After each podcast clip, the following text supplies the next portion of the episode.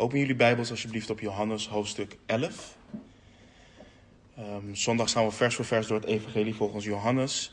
En vanochtend pakken we het weer op um, in hoofdstuk 11. En mocht je geen Bijbel bij je hebben, we hebben leenbijbels beschikbaar. Als je een Bijbel wil, steek je hand op en dan uh, zullen we je daarin voorzien. En voor de mensen die uh, notities willen maken, hebben we ook notitieblokken en pennen beschikbaar. Uh, dus daar kunnen, we ook daar kunnen we ook weer in voorzien. we pakken het vanochtend op vanaf vers 47.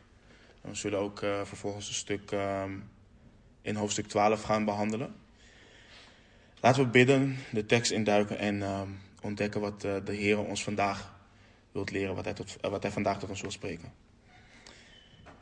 Heer, wil u danken, Heer, voor um, het feit, Heer, dat u zo goed bent, Heer, dat we zojuist ook hebben gezongen, Heer, dat er geen, er is geen enkele God, Heer, geen andere God dan u, Heer.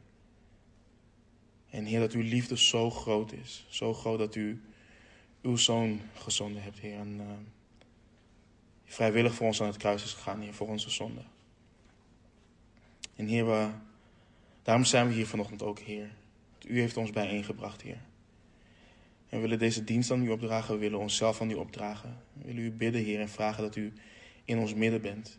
En dat u spreekt tot onze harten. Ja, dat we hier veranderd mogen weggaan. Dat we meer en meer op Jezus Christus gaan lijken, Heer door de woorden die in uw woord staan, Heer. En zoals onze Heer Jezus ook heeft gebeden, bid ik dat u ons heiligt door uw woord, want uw woord is de waarheid. En we, bidden voor, bidden voor de kinderen, in de zondagschool, in de crash. En uh, we bidden dat ze daar ook een gezegende tijd met u hebben. En uh, we zien gewoon uit naar wat u vanochtend gaat doen. We bidden, we danken, we loven en prijzen uw naam in Jezus' naam. Amen. Uh, twee weken geleden uh, zijn we gestopt bij uh, vers 46 van hoofdstuk 11. En, um, en we, hebben een aantal, we hebben een aantal dingen gezien. Je, de Heer Jezus heeft zijn laatste publieke teken gedaan. Um, en we weten dat Johannes deze tekenen heeft opgeschreven met een specifiek doel. In Johannes 20, versen, 1, versen 30 en 31 lezen we Jezus nu heeft in aanwezigheid van zijn discipelen nog wel veel andere tekenen gedaan die niet beschreven zijn in dit boek. Maar deze zijn beschreven opdat u gelooft dat Jezus de Christus is, de Zoon van God, en opdat u door te geloven het leven zult hebben in zijn naam. En Jezus heeft een man uit de dood doen opstaan. En, en niet zomaar uit de dood. Lazarus was al vier dagen was hij begraven. En, en met absolute autoriteit heeft de Heer laten weten dat Hij macht heeft over leven en dood. Hij is de opstanding en het leven. En het resultaat, we lazen dat in versen 45 en 46. Velen dan van de Joden die naar Maria toegekomen waren en gezien hadden wat Jezus gedaan had, geloofden in hem. Maar sommige van hen gingen naar de Fariseeën en zeiden tegen hen wat Jezus gedaan had. Dus we zagen weer uh, verdeeldheid. We zagen twee kampen. Een, deel kwam tot geloof en een ander deel ging met een verhard hart naar de mensen die uh, Jezus wilden doden. we hebben ook een, een, aantal andere mooie dingen gezien. Eh, dus in, in tijden van um, verdriet, in tijden van noden, zagen we dat Martha en Maria naar de Heer Jezus gingen. En ondanks het feit dat hun broer gestorven was, was hun hart nog steeds gericht op de Heer Jezus. Geen, geen boosheid, uh, wel verdriet, maar dat brachten ze allemaal naar de Heer Jezus Christus. En we gaan vanochtend verder, vanaf vers 47, om te zien hoe dit verder loopt. En vanaf vers 47 lezen we: De overpriesters dan en de fariseeën riepen de, riepen de raad bijeen en zeiden: Wat doen we? Want deze mens doet vele tekenen. Als wij hem zo laten begaan, zullen allen in hem geloven en de Romeinen zullen komen en onze plaats en onze natie van ons wegnemen. Dus vele van de Joden die hadden gezien wat de Heer heeft gedaan. Ze geloofden in hem, wat ik net ook al zei.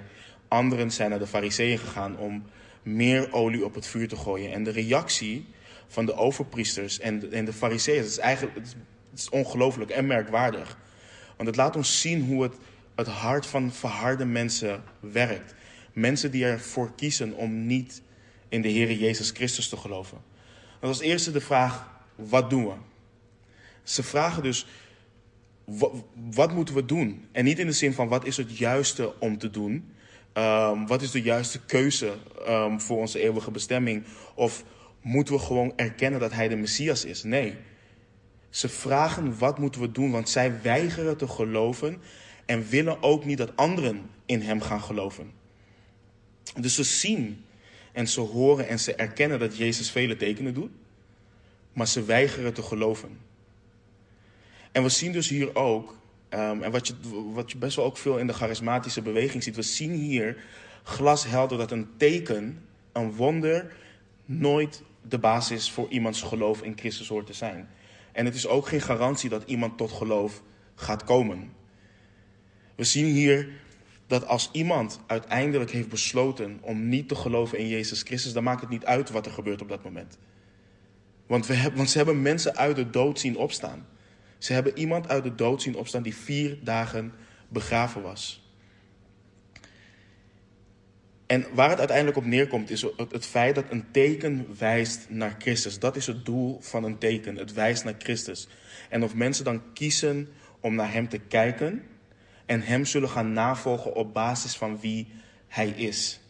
Het feit dat Hij de Zoon van God is, die de zonde van de wereld wegneemt. En weet je, het is, het is belangrijk om hierbij stil te staan. Wat ik net ook al zei, hoort veel binnen evangelische kringen, charismatische kringen. Ja, we moeten meer op zoek gaan naar de gaven van de geest. We moeten meer tekenen doen, net zoals in het boek van Handelingen. We hebben te weinig geloof. En ik geloof niet dat het um, te maken heeft met te weinig geloof hebben. En ja, we moeten meer op zoek gaan naar de gaven van de geest. Maar het is belangrijk om de Bijbel in, in haar context te bestuderen. En iedere christen kan dat. Het is niet alleen weggelegd voor degenen die de Bijbel onderwijzen. Kijk, Jezus deed nooit een teken om het teken, om het maar te doen en te laten, net zoals een goochelaar een konijn uit zijn hoed um, uh, tovert of wat dan ook. En dat deden de apostelen ook niet. Het was altijd met het oog om mensen op Jezus Christus te wijzen. En niet voor sensatie zoals we tegenwoordig heel veel zien. En ik geloof persoonlijk dat uh, God nog steeds wonderen kan doen en dat hij ze ook nog steeds doet. Maar ik geloof ook dat we nu het volledig geopenbaarde woord van, uh, van, van God hebben. En dat Hij ons het goede nieuws heeft gegeven waardoor mensen zalig kunnen worden.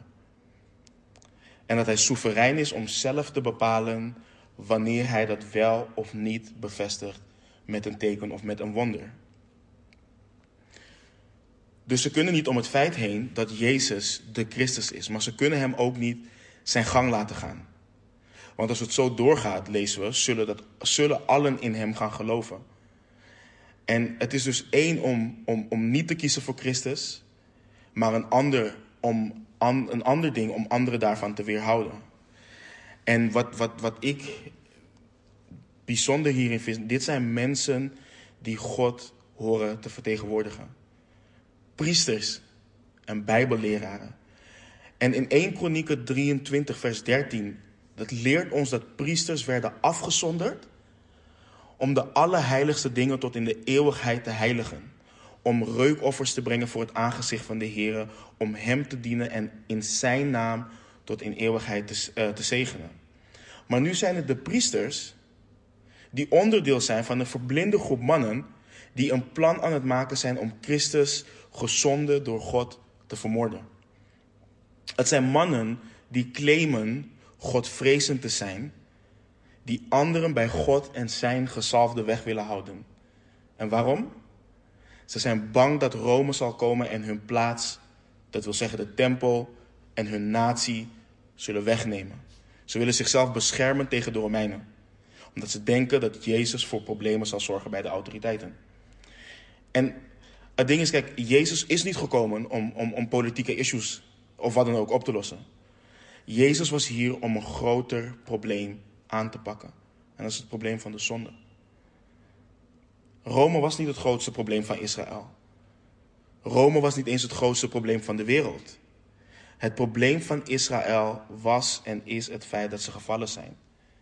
En dat is ook het probleem van de wereld. Dat door de zonde ze uiteindelijk op een dag de toorn van God over zich heen zouden krijgen. En dat geldt dus voor ieder mens. En het trieste is dat het ze lukt om Jezus uit de weg te ruimen.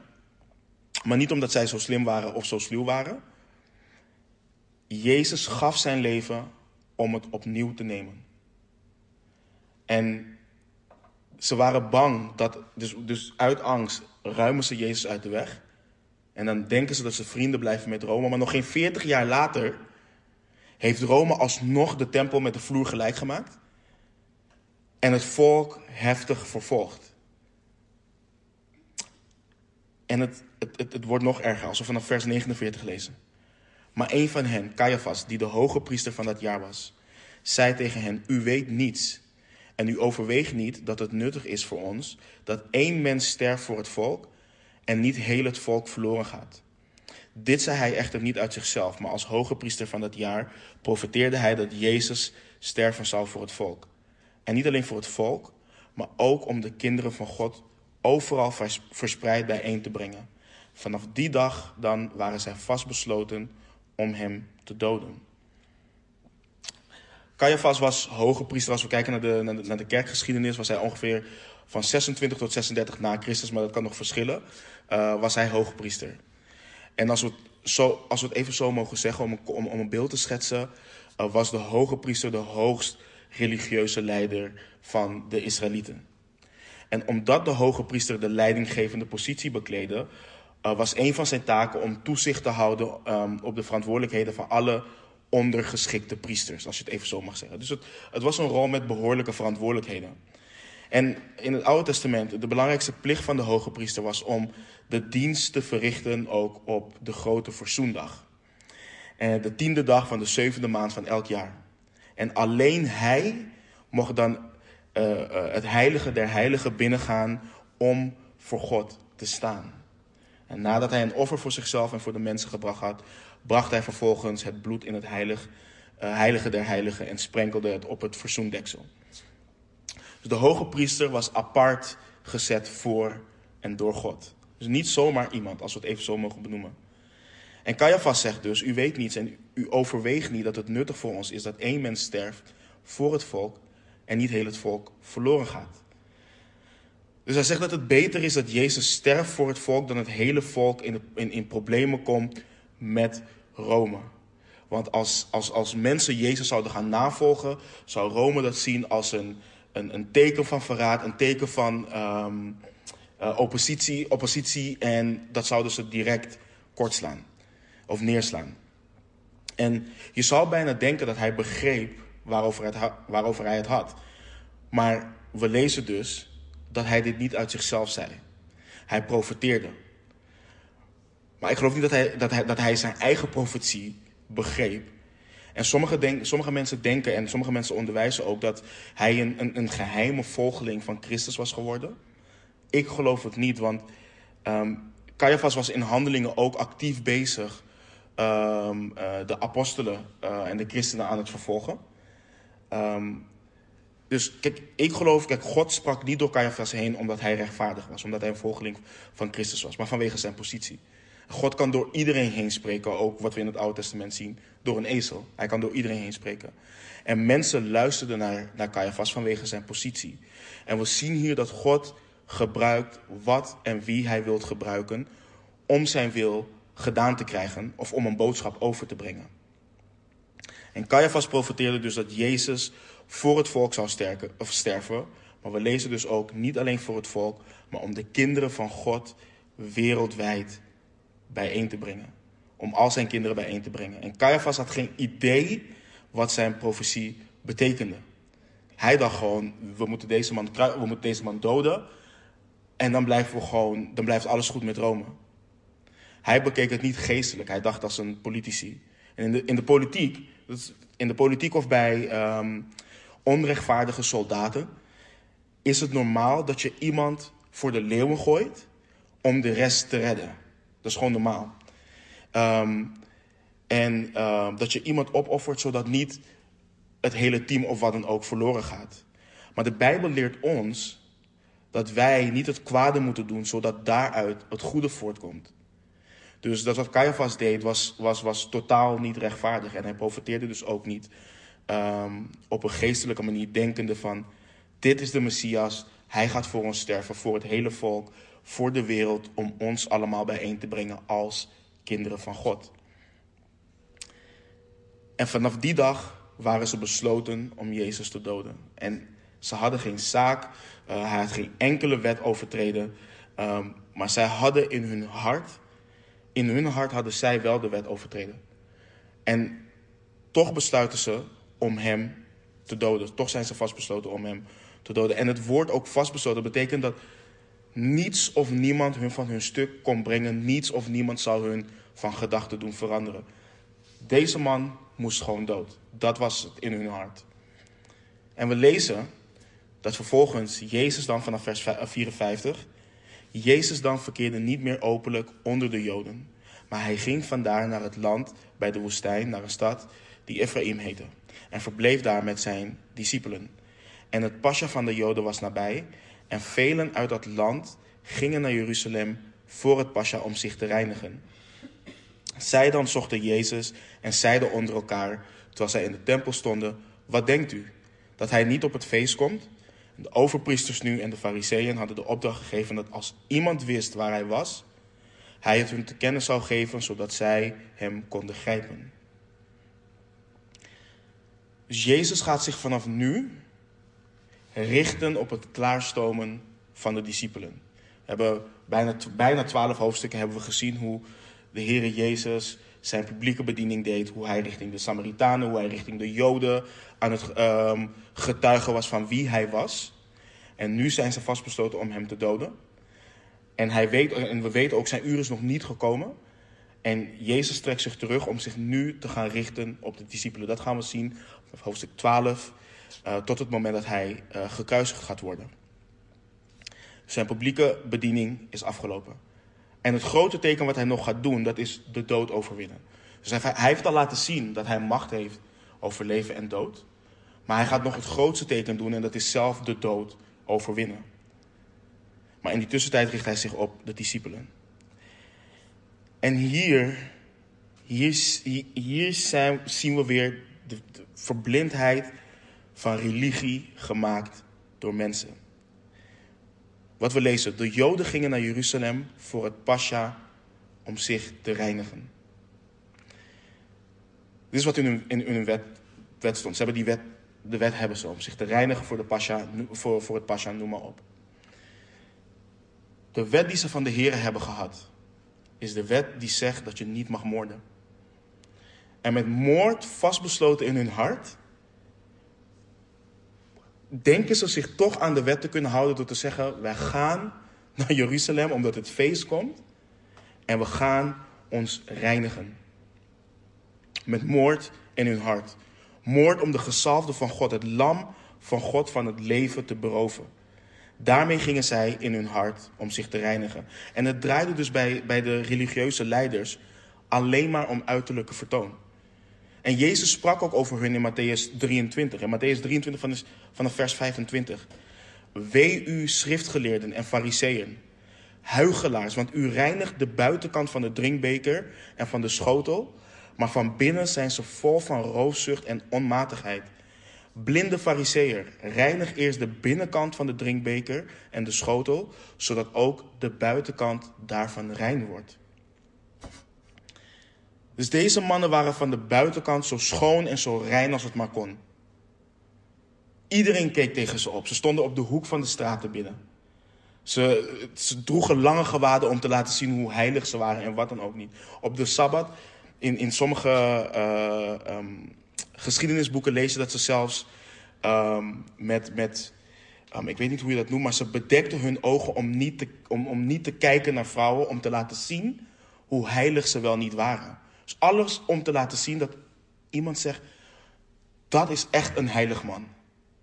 Kijk hoe hij zich houdt aan de wet. En daarom is het voor ons ook belangrijk om men niet te toetsen op basis van wat men doet. Maar dat we, kijk, wij kunnen niet kijken in het hart. Maar dat we ons niet laten misleiden door hoe vaak komt iemand naar de eredienst. Of hoe vaak komt men naar de Bijbelstudie. Of hoe lang bidden ze of wat dan ook. Iedereen kan naar de Bijbelstudie komen. Iedereen kan, naar, kan een eredienst uh, binnenwandelen. Iedereen kan uh, de Bijbel citeren of bidden met mooie en lange woorden of wat dan ook. Maar wat leeft er in het hart van een persoon? Wat leeft er in het hart van een beleidende christen? En mij toetst dit enorm. En zoals de meeste van jullie weten, waren, naar het, waren afgelopen weekend waren we bij het mannenweekend. En ik ben enorm uitgedaagd. En volgens mij, we zaten net in de auto en andere, de andere mannen zeiden dat ook. Om, om ons hart te gaan toetsen op genade en op liefde. En kijk, het is niet de bedoeling dat we gaan rondkijken en kijken naar hoe iemand beweegt in het leven eh, als beleidende christen. Maar wanneer zaken zich voordoen, dan moeten we dingen wel toetsen. En dat oordelen we niet, maar we beoordelen wat we zien. Paulus zegt zelf in 1 Korinthe 2:15 dat de geestelijke mens alle dingen beoordeelt. Dus het is niet om naar iemand te gaan en te zeggen, om, om te kijken in iemands leven en zeggen van, ja nee, maar die niet, die niet, want die doet dit wel, die doet dit niet. Nee, daar gaat het niet om. Maar we kijken wel, zien we vrucht van de geest, zien we liefde, zien we genade. En ik heb het niet over de perfecte christen, want als we daarna willen gaan zoeken, dan gaan we lang zoeken. Want die is er gewoon niet.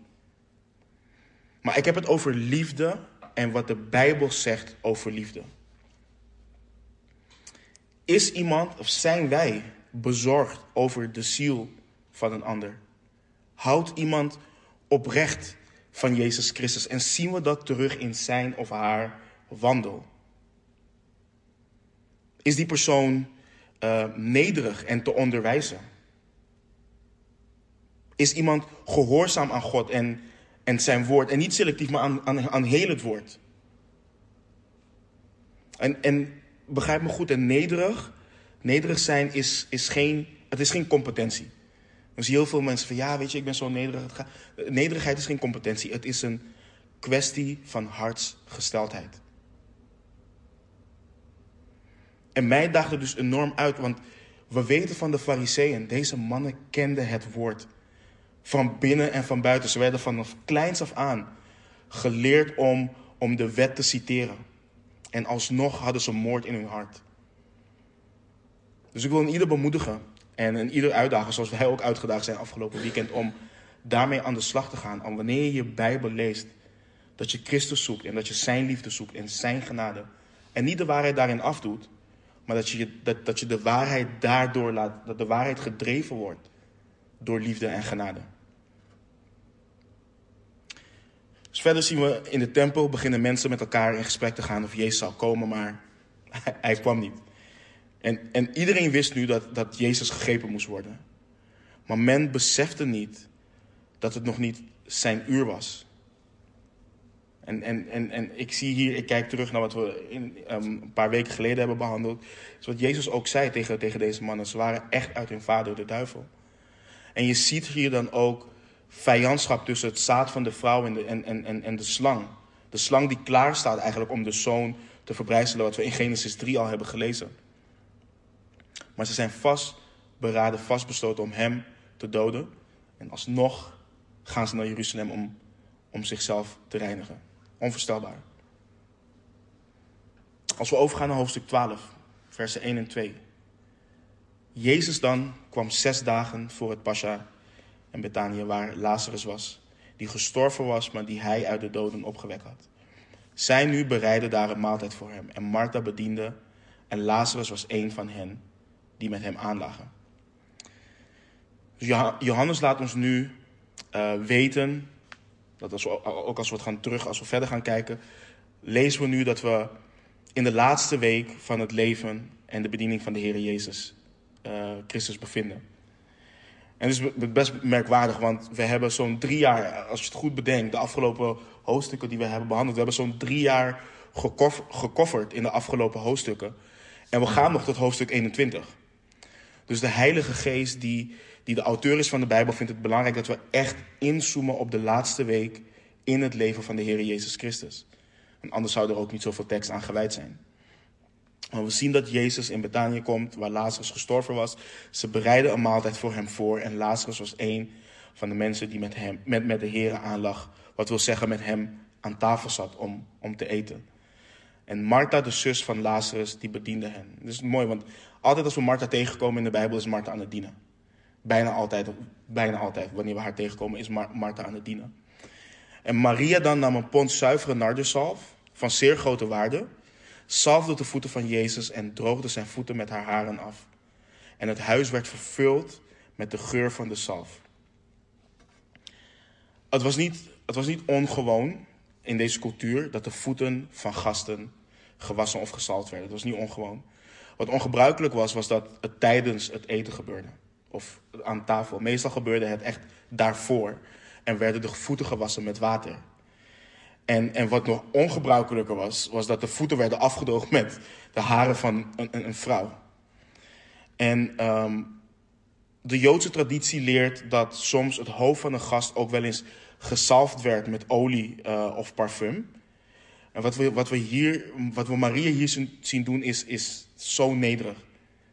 Ze, ze zalfde de voeten van de Heer Jezus met dure olie en nam de houding van een dienaar, van een slaaf aan.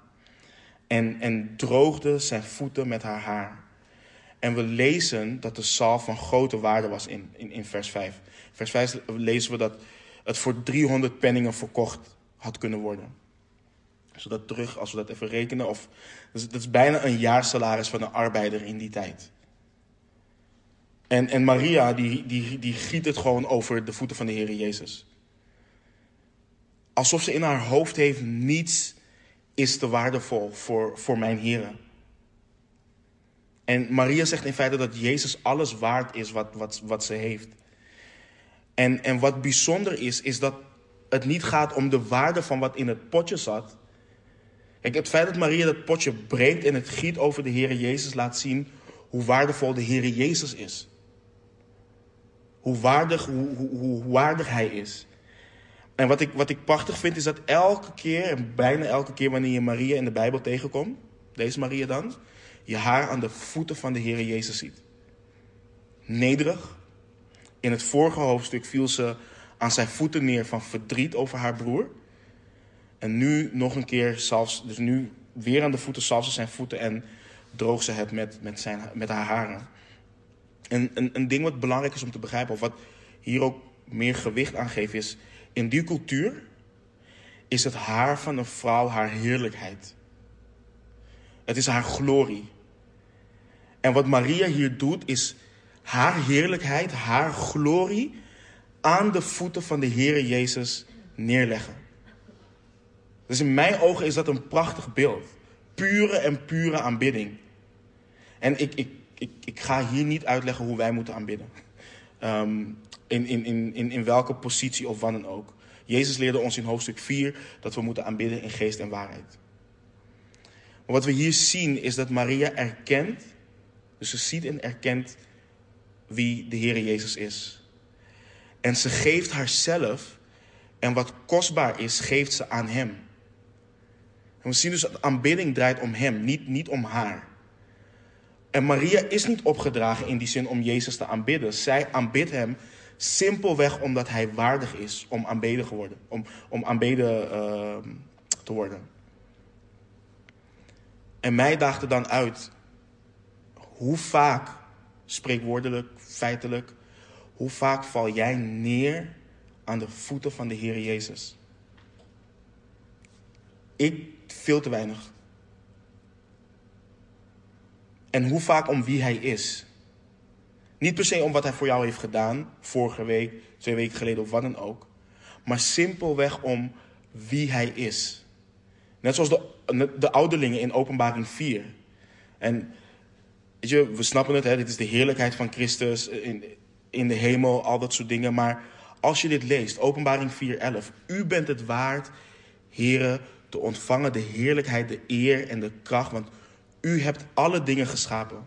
En door uw wil bestaan zij en zijn zij geschapen. Of Openbaring 5, vers 12. En zij zeiden met luide stem: Het lam dat geslacht is, is het waard om de kracht te ontvangen. En rijkdom, wijsheid, sterkte, eer, heerlijkheid en dankzegging. En elk schepsel dat in de hemel, op de aarde, onder de aarde en op de zee is. En alles wat daarin is, hoorde ik zeggen: Aan hem die op de troon zit. En aan het lam zij de dankzegging, de eer, de heerlijkheid en de kracht in alle eeuwigheid. Aanbidding om wie hij is. En dit toetst, dit toetst mijn hart en ik hoop dat het jouw hart ook toetst en je aanspoort om jezelf volledig aan de Heer te wijden. Volledig aan Hem te geven. En terwijl Maria Hem aan het aanbidden is, zien we in contrast het werk van het vlees. We zien het werk van de Satan oprechte aanbidding verstoren. Vanaf vers 4. Toen zei een van zijn discipelen, Judas Iscariot, de zoon van Simon, die hem verraden zou. Waarom is deze zalf niet voor 300 penningen verkocht en aan de armen gegeven? En dit zei hij niet omdat hij zich bekommerde om de armen, maar omdat hij een dief was. En de beurs beheerde en droeg wat gegeven werd. Dus de schrift legt uit waarom Judas dit zei. Judas was een dief. En we zien hier dat degenen die niet van Christus houden, niet snappen waarom iemand, waarom iemand hem met zoveel toewijding aanbidt. En ik heb, ik, heb, ik heb dat vaak meegemaakt van mensen, van mensen die niet geloven. Ja, jullie zijn alleen maar bezig met de kerk. Jullie zijn alleen maar bezig met de Bijbel. Waarom moet je. Het hoeft toch niet zoveel? Het hoeft toch niet zo, zo diep, zo intens? Waarom ga je niet even een weekendje weg of doen jullie gewoon even relaxed? Of wat Het hoeft toch niet zo, zo extreem? En wanneer jouw hart niet gericht is op het aanbidden, aanbidden van Christus, dan is hetgeen wat rest om degene die Christus in geest en waarheid aanbidden te veroordelen en vaak ook belachelijk te maken. We lezen in een ander evangelie, ik weet nu niet precies uit mijn hoofd, maar Judas vond het niet waard om 300 penningen over zijn voeten te gooien. Hij zegt zelf dat het ver, ver, verkwist is, dat het vergoten is, gewoon weggegooid. En het is bijzonder, want 300 penningen was te veel. En uiteindelijk verraadt hij hem voor 30 zilverstukken. En als je even gaat omrekenen, mensen zijn niet helemaal over uit, maar velen gaan ervan uit dat het nog geen 120 penningen waard uh, was. Dus Judas verraadt hem voor 30 zilverstukken, nog geen vier maanden salaris. Meer dan dat was Jezus niet waard om verraden te worden voor hem. En zo heb je binnen de muren van, van, van de eredienst ook. Uh, mensen die niet, we hadden het net toevallig nog over in de auto, die niet gericht zijn op de heren tijdens aanbidding of wat dan ook, maar op hun eigen hart of op hun eigen idee of om de op de mensen om, om, om hun heen. Ja, die zingt te hard. Die leidt me af tijdens aanbidding. Of die zingt vals. Of, uh, ik, en ik heb die dingen letterlijk gehoord. Um, waarom moet iemand zo hoog met zijn handen in de lucht staan of wat dan ook? Waarom beweegt hij of zij zoveel? En ik zeg hier, hiermee niet dat een, um, een persoon hiermee ongelovig is wanneer hij of zij zich hieraan stoort. Maar wanneer men in volle overgave aanbidt en wij dat niet op die manier zouden doen, moeten we dat niet veroordelen. We horen mensen niet te veroordelen die in volledige toewijding God aanbidden. We moeten de aandacht van pure aanbidding niet om iets anders laten draaien zoals Judas dat hier doet. Want wat Judas zegt, klinkt, het klinkt nobel. Hij zegt, ja, het had aan de armen gegeven kunnen worden. Het klinkt nobel. Maar hij zegt het niet omdat hij om de armen geeft. Hij zegt het omdat hij het geld wat hij had kunnen stelen uit, uit de beurs, um, gegoten, hij ziet het gegoten worden over de voeten van Jezus. En Judas had geen liefde voor Christus. Dus hij kon ook niet waarderen dat, wat, wat Maria aan het doen was. En het is bijzonder dat dit gebeurt, want Judas liep drie jaar lang met Christus. Hij heeft elke preek gehoord die Jezus heeft uitgesproken. Hij heeft elk teken gezien en alsnog was zijn hart verhard. Alsnog kon hij niet waarderen, ondanks het feit dat hij alles heeft gezien en heeft gehoord, kon hij niet waarderen wanneer iemand Jezus aanbad met volledige toewijding. En dat, dat, dat, dat, dat is raar. Want horen wij ook niet te genieten wanneer iemand Jezus aanbidt met volledige toewijding? Net het afgelopen mannenweekend. Je bent, we waren aan het zingen, we waren we hadden fellowship met elkaar. En soms is het gewoon prachtig, want dan, dan stap je even naar achter en dan kijk je gewoon wat er gebeurt. En dan geniet je van het feit dat broeders met elkaar volledig opgaan in Jezus Christus. En dan ieder op zijn manier, hè? ieder op zijn eigen manier. De een staat met zijn handen in de lucht, de ander staat stokstijf Het maakt helemaal niet uit. Maar een ieder was daar voor Christus en ging volledig op in aanbidding. En niemand had wat te zeggen over, ja, maar jij, weet je, zo moet je dit niet doen. Of zo, zo moet, nee. Het draaide om Christus. En Jezus, zei, Jezus dan zei vanaf vers 7, laat haar begaan. Zij heeft dit bewaard met het oog op de dag van mijn begrafenis. Want de armen hebt u altijd bij u, maar mij hebt u niet altijd. Jezus kende het hart van Maria. Hij wist waarom ze dit gedaan heeft. En hij, hij verdedigt dat. Hij neemt, het voor, hij neemt het voor haar op. Hij neemt het ook voor ons op. En staat voor ons klaar wanneer anderen ons willen weerhouden van het aanbidden van hem. En ik hoor, ik weet je, als je kijkt naar de cultuur om ons heen en dat het steeds goddelozer wordt en dat christenen steeds meer vervolgd worden. We weten dat in andere gebieden van de wereld dat het heftig is. Maar we zien het ook steeds meer onze kant op komen richting het Westen. En dat er misschien een periode gaat komen dat je niet meer samen kan komen in de school zoals we dat nu doen. Maar één ding weten we zeker, is dat de goddelozen de heiligen nooit zullen kunnen weerhouden van het aanbidden van Christus. Hij zal ervoor zorgen dat het altijd zal kunnen gebeuren. Altijd. Hij zei tegen Judas, laat haar begaan. Jezus legt, legt uit waarom ze dit heeft gedaan met het oog op de dag van zijn begrafenis. Als Maria dit die dag niet had gedaan, dan was, dan was haar kans waarschijnlijk misgelopen om haar liefde te tonen op deze, op deze manier. Want niet veel langer daarna wordt hij gekruisigd. En Jezus zegt in vers 8 niet dat we ons niet moeten uh, richten op de armen. Of dat we niet bezorgd moeten zijn om, over de armen. Want in, in Jacobus, wat, ook, wat gewoon het woord van God is, lezen we dat, dat ware religie is ook uitkijken naar de armen, naar de weduwe. En, uh, maar hij heeft het hier over, specifiek over zijn bediening en leven op aarde. Hij, hij zal niet lang meer onder hun zijn. Maar de armen zouden ze altijd nog hebben. Ze zouden altijd nog goed kunnen doen richting de armen. een grote menigte dan van de Joden kwam te weten dat hij daar was. Vers 9. En zij kwamen niet alleen vanwege Jezus, maar ook om Lazarus te zien, die hij uit de doden opgewekt had. En de overpriesters beraadslaagden om ook Lazarus te doden, omdat omwille van hem vele van de Joden weggingen en in Jezus geloofden.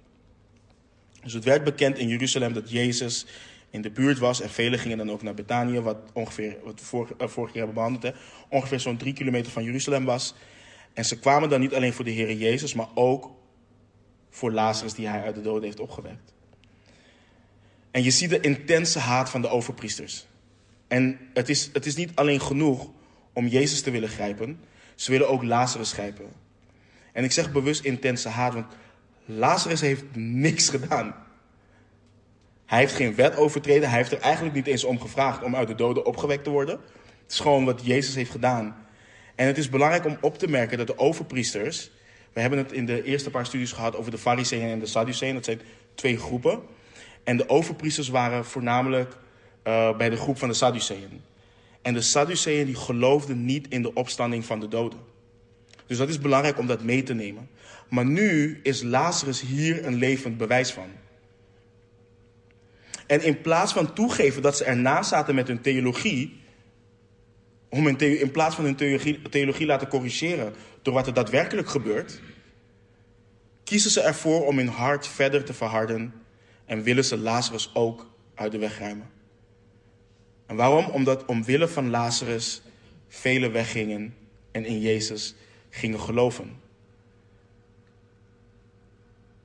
En toen de volgende dag een grote menigte die naar het feest gekomen was, hoorde dat Jezus naar Jeruzalem kwam, namen zij de takken van palmbomen en gingen de stad uit, hem tegemoet en riepen, Hosanna, gezegend is hij die komt in de naam van de Heere, de koning van Israël. En toen Jezus een jonge ezel gevonden had, ging hij daarop zitten. Zoals geschreven is, wees niet bevreesd, dochter van Sion. Zie, uw koning komt, zittend op, een, op het veulen van een ezelin. En dit nu begrepen zijn discipelen eerst niet, maar toen Jezus verheerlijkt was, herinnerden zij zich dat dit over hem geschreven was en dat zij dit met hem gedaan hebben, hadden. Dus dit is een, een, een prachtig beeld van de intocht van de Heer Jezus in, in Jeruzalem. En het is, dit, dit, dit is ook wat wij kennen als Palmzondag. Het is, niet, het is niet echt duidelijk of de hele menigte geloofde in hem als de Messias. Of dat ze simpelweg in hem geloofden als de koning van de Joden die Israël zou komen verlossen uit de handen van de Romeinen. Maar wat we zien, we zien dus dat ze de takken van palmbomen namen en de stad uitgingen en hem tegemoet liepen. En, en palmtakken zijn, ehm, in, vooral in die cultuur, zijn vaak symbool voor, voor vrede. Voor, voor vreugde en, en voor rust. En vooral na een tijd van lijden. En ze riepen, Hosanna gezegend is hij die komt in de naam van de Heer, de koning van Israël. En, en, en, en die naam, Hosanna betekent help nu. Of help toch. Maar het is niet in de vorm van een, een, een verzoek dat je om hulp vraagt. Maar het is in de vorm van een, een, een zegen, dus overwinning. Ze roepen, ze roepen naar Jezus met de woorden uit Psalm 118, versen 25 en 26. Och Heere, breng toch heil. Och Heere, geef toch voorspoed. Gezegend wie komt in de naam van de Heere. Wij zegenen u vanuit het huis van de Heere. En toen, toen Jezus een jonge ezel gevonden had, ging hij daarop zitten zoals geschreven is. Wees niet bevreesd, dochter van Sion. Zie, uw koning komt, zittend op het veulen van de ezelin. En het is, het is significant dat er melding wordt gemaakt van een jonge ezel. En, en men reed vaker op een ezel. Ehm, maar hier gaat het ook om een profetie die in vervulling gaat. En het bijzondere is, kijk, zij verwachten een Messias die zou komen strijden. Die, um, die, die ze zou komen verlossen van Rome. Maar een strijder die komt niet op een ezel, die komt op een paard. En hij laat, hij laat hem dus ook zien dat hij in nederige vorm komt. Want hij komt niet om te strijden of om Rome omver te, omver te werpen. Hij kwam als het lam van God om te sterven voor de zonde uh, van de mensen. Van, van, van Israël onder andere. En in Zachariah 9 vers 9, uh, 9 vers 9 lezen we ook. Uh, verheug u zeer, dochter van Sion. Juich, dochter van Jeruzalem. Zie, uw koning zal tot u komen, rechtvaardig en hij is een heiland, arm en rijdend op een ezel. Op een ezel, ezelsveulen, het jong van een ezelin. Tot in de kleinste detail komt dit gewoon in vervulling. In het leven en de bediening van de Heer Jezus Christus. En, en de discipelen begrepen niets van wat er gebeurde. Maar toen Jezus verheerlijkt was, herinnerden zij zich dat dit over hem geschreven was en dat zij dit met hem uh, gedaan hadden. En de discipelen hadden niet door dat op dat moment de Heer binnenkwam als de koning van Israël, niet de koning die zij in gedachten hadden. En weet je, dit laat onder andere ook zien dat en waarom de Bijbel betrouwbaar is en dat het opgeschreven is door ooggetuigen en dat deze dingen echt hebben plaatsgevonden. Want we lezen bijvoorbeeld hè, dat, dat ze niet wisten dat dit, of ze begrepen dit niet. Welke oplichter zou zichzelf zo onnozel wegzetten als de auteur van de Bijbel? Daar waar men de neiging heeft om zichzelf continu beter voor te doen dan ze zijn, doen de schrijvers van de Bijbel dit absoluut niet. Met al hun gebreken en hun eh, tekortkomingen worden ze gepresenteerd in de Bijbel. En dit, dit laat dan ook zien dat dit geen verslag is van mensen, maar dat dit het verslag is van God die mensen gebruikt.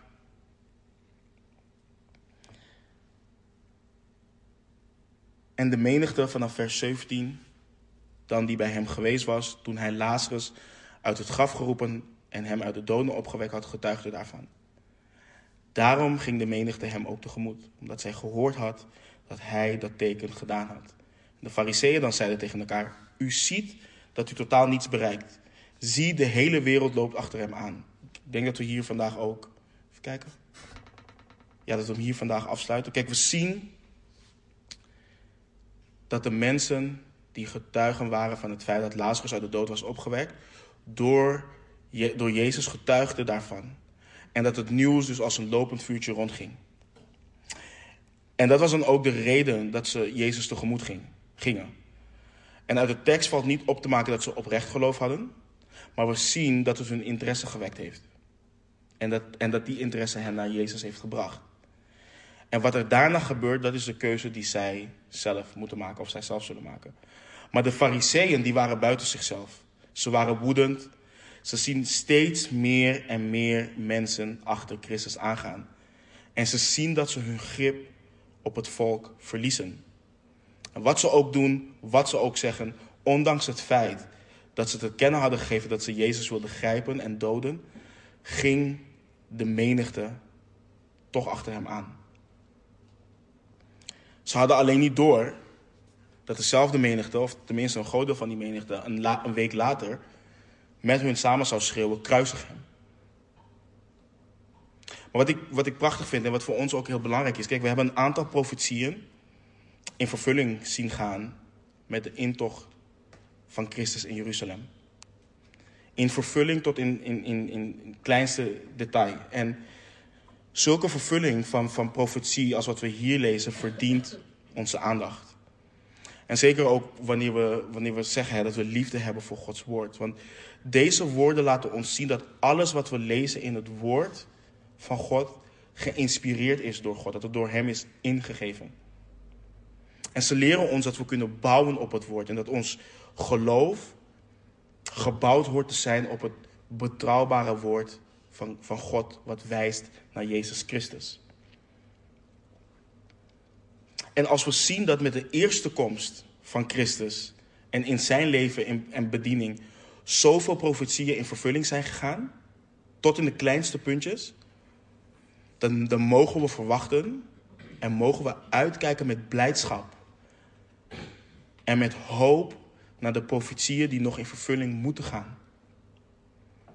We mogen met vreugde en verwachting uitkijken. Daar hebben we het afgelopen weekend ook over gehad. Naar, naar de opname naar de, en de tweede komst van Christus. We mogen uitkijken met vreugde en blijdschap naar de heerlijkheid. Want als we kijken naar de, naar de, naar de cultuur om ons heen, dan, dan, dan kunnen we echt ontmoedigd raken. Als we zien wat er nu gebeurt. En sinds na de kruisiging van Christus verwachten mensen de opname en het is nog steeds niet. En daardoor verliezen sommige mensen hun geloof. Sommige mensen verliezen hoop. En ze zien dat de wereld steeds meer invloed gaat uitoefenen en steeds meer druk legt ook op, op christenen. Maar men heeft ook lang gewacht op de eerste komst van Christus. En we mogen dus met zekerheid kijken en met, met, met blijdschap uitkijken naar de heerlijkheid en de hoop die ons te wachten staat in Hem. Amen. Laten we bidden. Heere God, we zijn u dankbaar, Heer, dat u zo goed bent. Heer, dat wanneer we uw woord openslaan, Heer, dat we altijd, Heer, vol bewondering zijn, Heer. En um, dat het uh, ons ontzag voor u verhoogt, Heer. En dat, Heer, in, in, in elke zin, Heer, dat we lezen hoeveel liefde, hoeveel genade u voor ons heeft, Heer. En hoe genadig u met ons bent, Heer. En Heer, op die bewuste dag, Heer, dat, dat, dat, dat uw zoon Jeruzalem inreed, Heer, op, op een ezel, Heer, dat het ook laat zien hoe betrouwbaar u bent en hoe groot de Heer Jezus is. Dat Hij niet alleen koning van Israël is, maar dat Hij onze koning is, Heer, de koning der koningen. En we danken u daarvoor, Heer. En ik bid voor een ieder, Heer, die hier vanochtend is. Heer, dat we de heerschappij, koningschap van, van, van Christus in ons hart, in ons verstand, dat we daarmee hebben geworsteld en dat we daar een juiste kijk op hebben. En ik bid voor een ieder van ons, Heer, die vanochtend misschien ontmoedigd is, of wat dan ook, Heer. Dat we met vreugde, met blijdschap mogen uitkijken naar de hoop die we hebben, Heer. En als we zien hoe de, de cultuur om ons, om ons heen beweegt, Heer. En voor de mensen hier, Heer, die, en die terugluisteren, misschien die kleine kinderen hebben. Waarin we ontmoedigd raken in de wereld waarin zij opgroeien. Heer, dat we weten dat we onze kinderen ook die hoop mogen meegeven. En dat ze hun harten en hun blikken, Heer, en hun verstand op U gaan richten. Dus leer ons dat te doen. Heer, we kijken uit met vreugde, Heer, naar de dag dat u ons komt halen. En dat we u van aangezicht tot aangezicht mogen zien, Heer. In Jezus' naam bidden we. Amen.